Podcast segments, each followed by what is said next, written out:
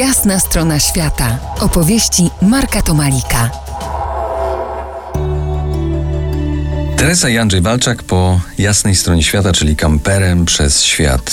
Jesteście parą, wydaje mi się, szczęśliwych emerytów. Czy przejście na emeryturę zeszło się w czasie z rozpoczęciem przygody karawaningowej? No chyba wcześniej jednak to nastąpiło. To znaczy tak ewaluowało powiedzmy. Yy, Były paralotnie, były wyjazdy po Europie, były zawody, były przemieszczanie się w powietrzu. To nas wspólnie scementowało i, i stopniowo przeradzało się jednak odchodzenie od tego sportu wyczynowego na rzecz e, Turystyki. Tych, turystyki i potem podróży. W środowisku podróżniczym od lat pozostajecie rozpoznawalni. Po części z powodu bloga, który z pasją prowadzicie, ale lwia część zainteresowania waszymi osiągnięciami spowodowana jest na pewno egzotyką. W naszym kraju emeryt kojarzony jest inaczej, jednak chyba. Zgodzicie się ze mną? Tak. Niestety tak. Emeryt to już taki, taka osoba, która musi pomóc dzieciom, musi siedzieć w domu i chodzić po przychodniach, po lekarzach. Tak, to jest Tak, taka. tak generalnie nasz emeryt wygląda. A wy się leczycie A gdzie? tak. Y, W czasie podróży, rozumiem. Tak, wpadamy od czasu do czasu do Krakowa, żeby pozałatwiać sobie pewne rzeczy i dalej zabieramy zapas leków i Z całym szacunkiem dla tego, co robicie, ale w Australii czy w Europie Zachodniej karawanik emerytów nie budzi emocji mediów. Tam to jest, tam to jest powszechnie, powszechnie normalne, tak?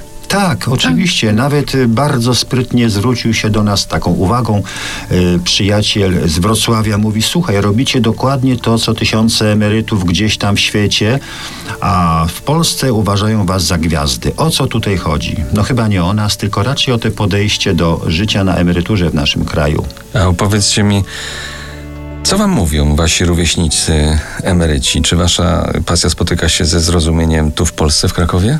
Tak, to znaczy pytania często bywają albo tłumaczenie siebie, dlaczego oni nie jeżdżą w rodzaju trzeba mieć dużo pieniędzy, świat jest niebezpieczny, y, można złapać jakąś chorobę. I to są najczęściej te argumenty, żeby nie ruszyć z domu. Y, Wszyscy by chcieli, ale tak naprawdę nikomu się nie chce.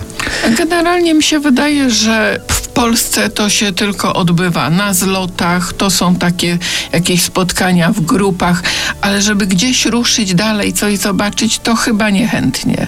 Idąc tym tropem, czy macie misję, aby emeryci z kraju nad Wisłą wzorem swoich rówieśników z innych krajów nie siedzieli w domu, lecz ruszyli po swoje podróże, po swoją pasję życia? Tak, mamy taką misję, żeby rozruszać polskich emerytów.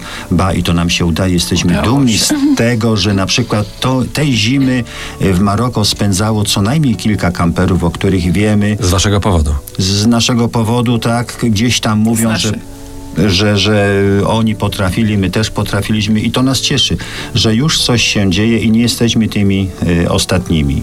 Teraz piękna muzyka w RMF Classic, a za kilka chwil wrócimy do rozmowy z Teresą i Andrzejem. Zostańcie z nami po jasnej stronie świata. To jest jasna strona świata w RMS Classic.